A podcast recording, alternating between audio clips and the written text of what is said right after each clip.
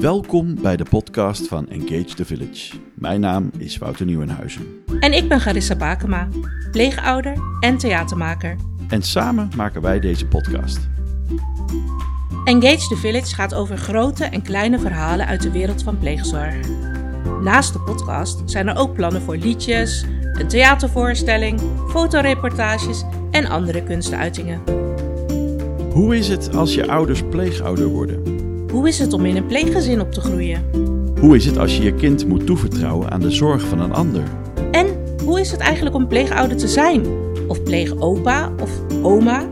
Wat ontdek je over jezelf? Hoe vormt het je? Wij verzamelen verhalen van veerkracht en hoop en maken er onder andere deze podcast van. Ik ben 19 jaar oud en de eerste keer dat ik met pleegzorg in aanraking kwam, was ik volgens mij 11 of 10. 10 of 11. Ik weet het niet meer zo goed, maar in die leeftijdsklasse. Ik ben 21 jaar oud en toen ik met pleegzorg of jeugdzorg in uh, aanraking kwam, toen was ik volgens mij een jaar of 11. En toen ik echt uh, in een pleeggezin uh, kwam, of tenminste uit huis gezet werd, toen was ik uh, 13, bijna 14 jaar. Voor deze vierde aflevering spraken we via het internet met Elisa en Gianni. Door verschillende omstandigheden was het voor hen niet mogelijk om bij hun eigen ouders te wonen en zijn zij opgegroeid in een pleeggezin. We spraken met hen over verschillende onderwerpen en we begonnen bij hun eerste indrukken als pleegkind. Ja, voor mij was het um, ja, vreemd. Het is toch anders of zo dan je eigen huis natuurlijk. Het is niet meer hè, mijn huis, jij komt in mijn huis, welkom. Het is iemand anders huis. Dus ja, ik vond het wel raar. En ik heb er denk ik ook wel moeite mee gehad. Want ja, ik zat met mensen om me heen natuurlijk. Dan kom je, ga je bij hen spelen op die leeftijd, weet je. En dan is het, hé hey, ja, welkom in mijn huis. En het was niet of ik kon zeggen, hé, hey, kom bij mij. Ik moest het altijd weer vragen. En natuurlijk bij sommige gezinnen uh, is dat altijd normaal.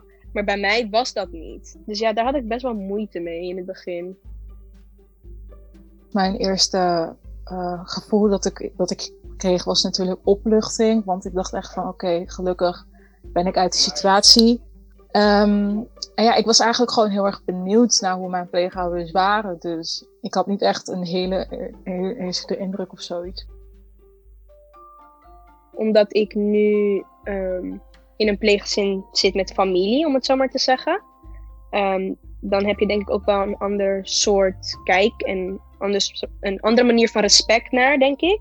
En ja, ook ouder worden. Je weet, je, het is, je wordt ouder, je hebt andere prioriteiten en dat is een ding, maar het is niet dat je denkt, oh, dit is het einde van mijn leven, weet je. Ik heb, ik voel me gast, dit is echt zo erg, weet je.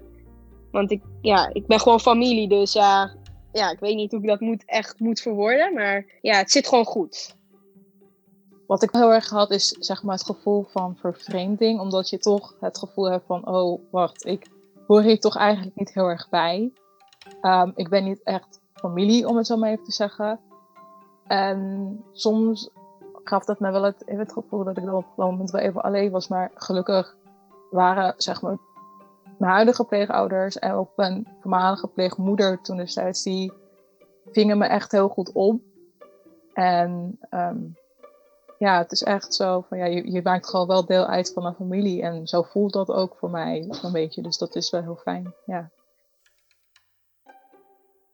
Ja, ik kan even in het kort uitleggen wat er is gebeurd. Um, nou, mijn moeder is op mijn elfde vertrokken naar Dominicaanse Republiek en is niet meer teruggekeerd, om het zo maar te zeggen. Dus ja, er was veel chaos in mijn leven, veel wrok, veel boosheid. En op dat moment dacht ik nooit, kom daaruit of zo, weet je. Of er is geen manier dat ik hier sterker uitkom. Ik zag niet echt het licht. Ik was een meisje die boos was op de hele wereld. Ik had zoveel wrok en echt haat. Dat was gewoon niet gezond. Ik uh, had woede aanvallen. Ik was heel snel. Mijn lontje was heel kort. En nu heb ik echt geduld, weet je. En ben ik echt vergevingsgezind. Ben ik echt vergevingsgezind. Want um, ja, ik denk ook dat door middel van mijn geloof, ik ben gelovig. Ik uh, ben christelijk. En ja, ik denk dat ik door middel van dat ook mijn moeder heb kunnen vergeven. Want op dit moment praat ik ook weer met haar. Dus, en we hebben gewoon goed contact. En ik denk dat door gewoon al dat geduld, al die wijsheid, ik op dat soort vlakken gewoon echt sterker ben geworden. Dat ik een confrontatie aan kan gaan met iemand, weet je, waar ik echt, die ik eigenlijk verafschuwde. En daar weer mee kan praten. En gewoon mee kan lachen. Dat is echt een hele overwinning voor mij. Je leert je leven lang. Wat heb jij geleerd van de situaties waar je in terecht bent gekomen? Ik denk sowieso met de situatie die ik bij mijn biologische ouders heb meegemaakt. Maar ook um, door uh, de overplaatsing en zo, is dat ik wel heb geleerd om zeg maar, heel erg flexibel te zijn. Ik kan me heel goed aanpassen aan nieuwe situaties. Uh, dus daar kan ik echt wel heel goed gebruik van maken. Ik kan me meer invoelen met andere mensen, als ik het goed zeg, volgens mij. Dus ja, ik denk wel dat, dat ik zeg maar, sowieso wat meer verbinding kan hebben met andere mensen door de dingen die ik vroeger heb meegemaakt. En zeker nu ook met mijn huidige baan en mijn studie, um, waarbij ik zeg maar andere mensen help, is dat ook wel echt iets wat ik gebruiken. Ja, er was ooit een moment, hier thuis bij mijn oom en tante, ja, dat ik gewoon echt ruzie met mijn oom had gekregen. Maar dat ik echt zo boos was en zo echt dat ik mezelf gewoon niet in de hand had. Weet je, dat ik echt, ja, het is niet te omschrijven. Ik was zo boos om zoiets kleins. En dat die woede zo hoog was, dat ik dacht, dit is niet goed. Dit is niet gezond, niet voor mij, niet voor, voor mijn oom, zeg maar. Dat was ook echt een moment van besef dat ik zo niet meer kan handelen, niet meer kan doen. Weet je, er moet een verandering zijn. Die wrok, die haat heeft nu mij alleen. En nu, op dit moment, is het ook mijn omgeving aan het schaden, om het zo maar te zeggen. En ja, en toen ja, ga je denken, handelen, in gesprek met uh, leiders van mijn kerk, uh, met vrienden, van hey, hoe gaan jullie met dit om? En ook gewoon een stukje, een gesprek met mezelf. Jezelf confronteren. En ik denk dat dat het moeilijkste is van allemaal. Van waar ben je nu mee bezig? Van wat ben je aan het doen? Besef je het? En ik denk dat dat ook een moment is als je jezelf confronteert. Dat, ja, dat is pijnlijk en frustrerend. Maar het is wel de waarheid. Weet je? En dat komt hard aan. En soms moet je het accepteren en daarna handelen. En dat moest ik doen. En dat heb ik toen gedaan. Een definitie van talent is de volgende. Talent wordt zichtbaar in elke activiteit die moeiteloos gaat en die je voldoening geeft. Wat zijn jouw talenten? Ik vind sowieso dit soort vragen heel moeilijk te beantwoorden. Um, maar ik denk dat ik sowieso een goed inlevingsvermogen heb ontwikkeld. En ja, geduld. Ik ben heel geduldig met andere mensen. Ik kan heel geduldig zijn ja, voor de rest kan ik niet echt andere talenten of zoiets opnoemen, denk ik. Ja, ik vind het heel erg leuk om te lezen. Ik doe het uh, de laatste tijd niet meer zo vaak, maar probeer ik het weer op te pakken. Maar vroeger las ik echt heel veel boeken. En uh, een van de boeken die, zeg maar, of tenminste dus de boeken die ik leuk vond toen, dat waren de boeken van, volgens mij, Ene Boyle of zoiets. Dat is een, volgens mij een Australische schrijfster. En die, maakte, die schreef dan jeugdboeken. En dat en die boeken die hadden allemaal zeg maar wel een achterliggende of onderliggende boodschap. Um, een van die boeken was bijvoorbeeld een boek over een jongen die uh, zweeft sinds het moment dat hij geboren werd. En hij wordt geboren in een heel doodnormaal gezin. En daardoor, uh, omdat hij dus niet normaal is, zoals zijn ouders dat verwachten, wordt hij een beetje door zijn ouders afgestoten. En op een dag zweeft hij dus weg. En dan komt hij eigenlijk op, op zijn reis, zeg maar, komt hij allemaal mensen tegen die hem dan wel weer accepteren voor hoe hij is, maar ook bijvoorbeeld misbruik willen maken voor hoe bijzonder hij is. Maar iedereen die op deze avond naar de hemel boven Sydney keek, die zijn ogen werkelijk de kost gaf en verder tierde dan het donker van de nacht of het wit van de maan, die zag iets buitengewoons. Iets wat, als ze echt de moeite namen om te kijken, hun de adem benam en deden beseffen dat niet alles op deze wereld eenvoudig te verklaren is. Die nacht zouden ze boven de kustlijn van Kiribili het heldere zoeklicht van een politiehelikopter zien schijnen op de brug.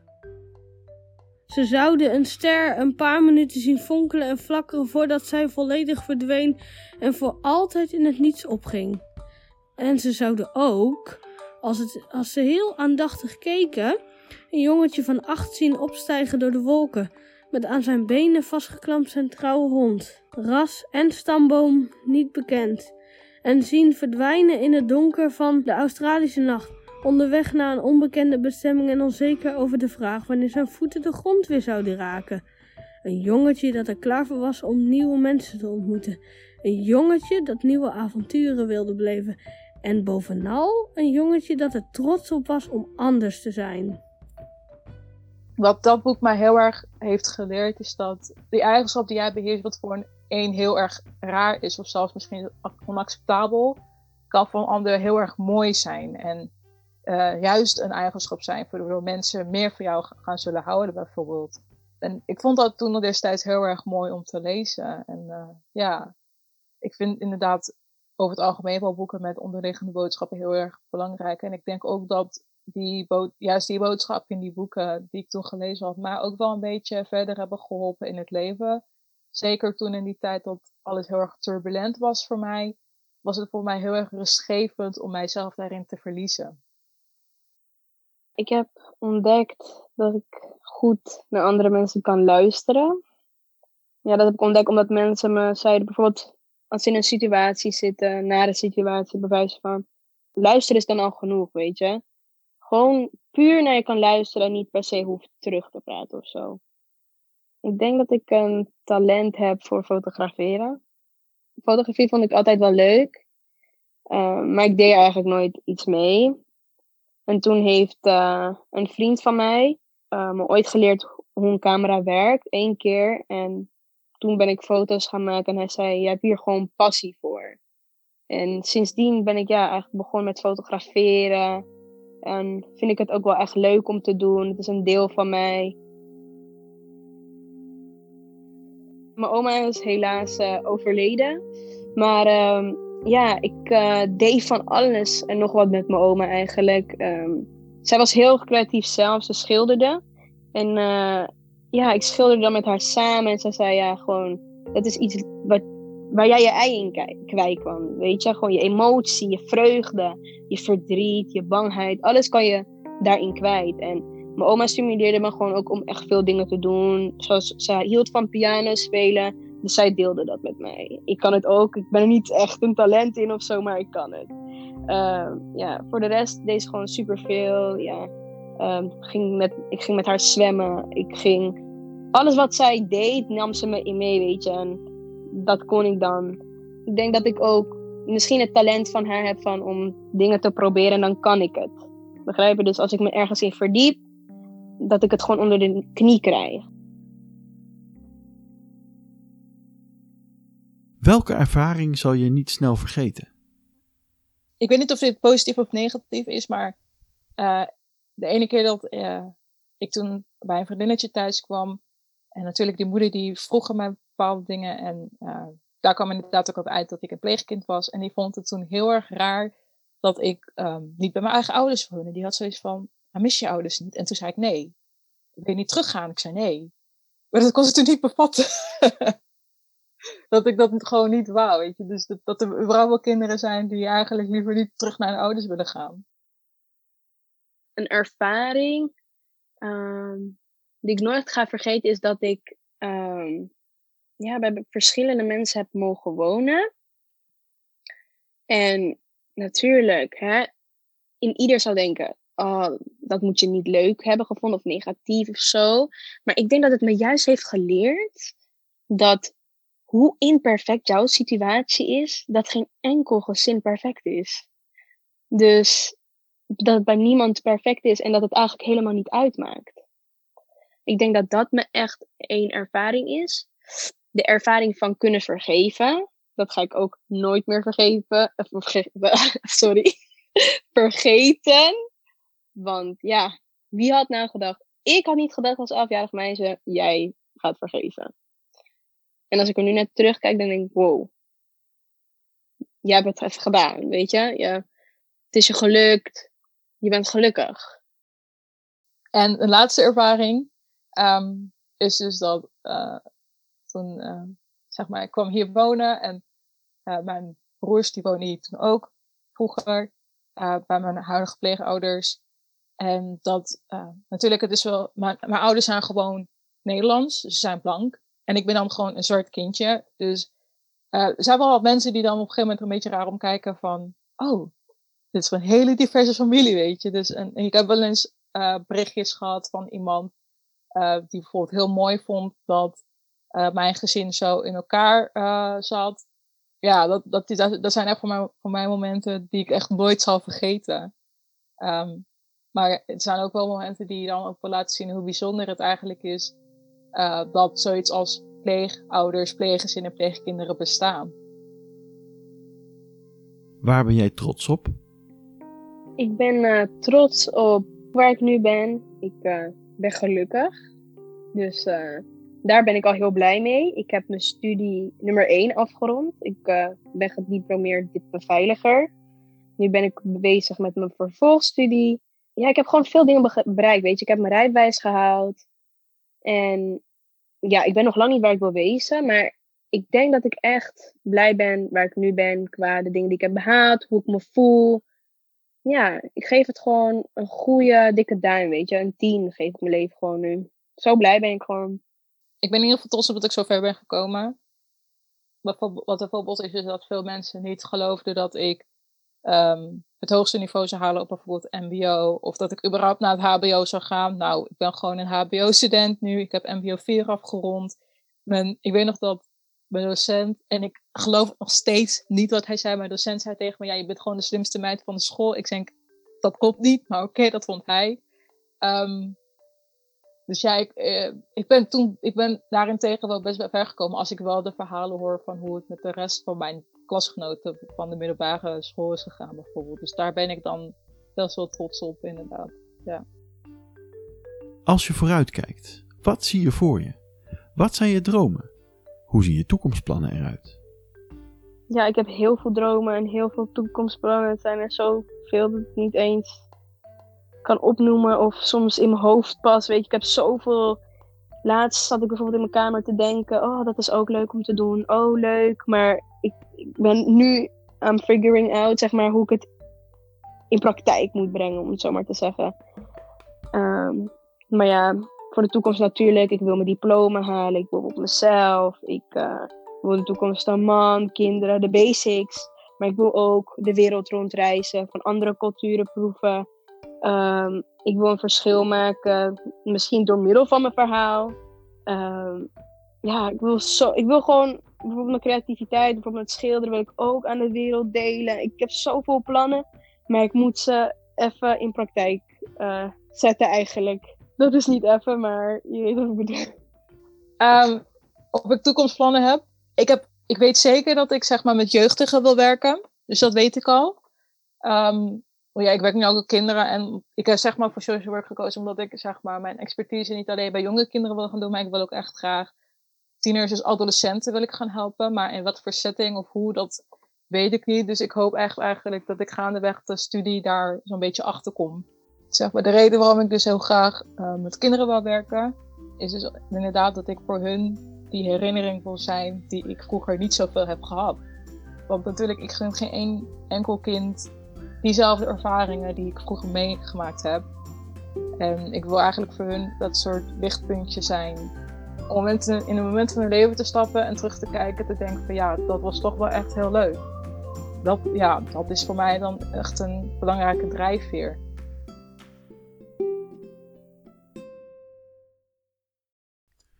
Bedankt voor het luisteren. Aan deze aflevering werkten mee Elisa, Gianni, Jess en Tabitha van Dongen. Het boekfragment dat je hoorde is afkomstig uit Vreselijke Belevenissen van Barnaby Brockett van John Boyne, vertaald door Eleanor Fuchs.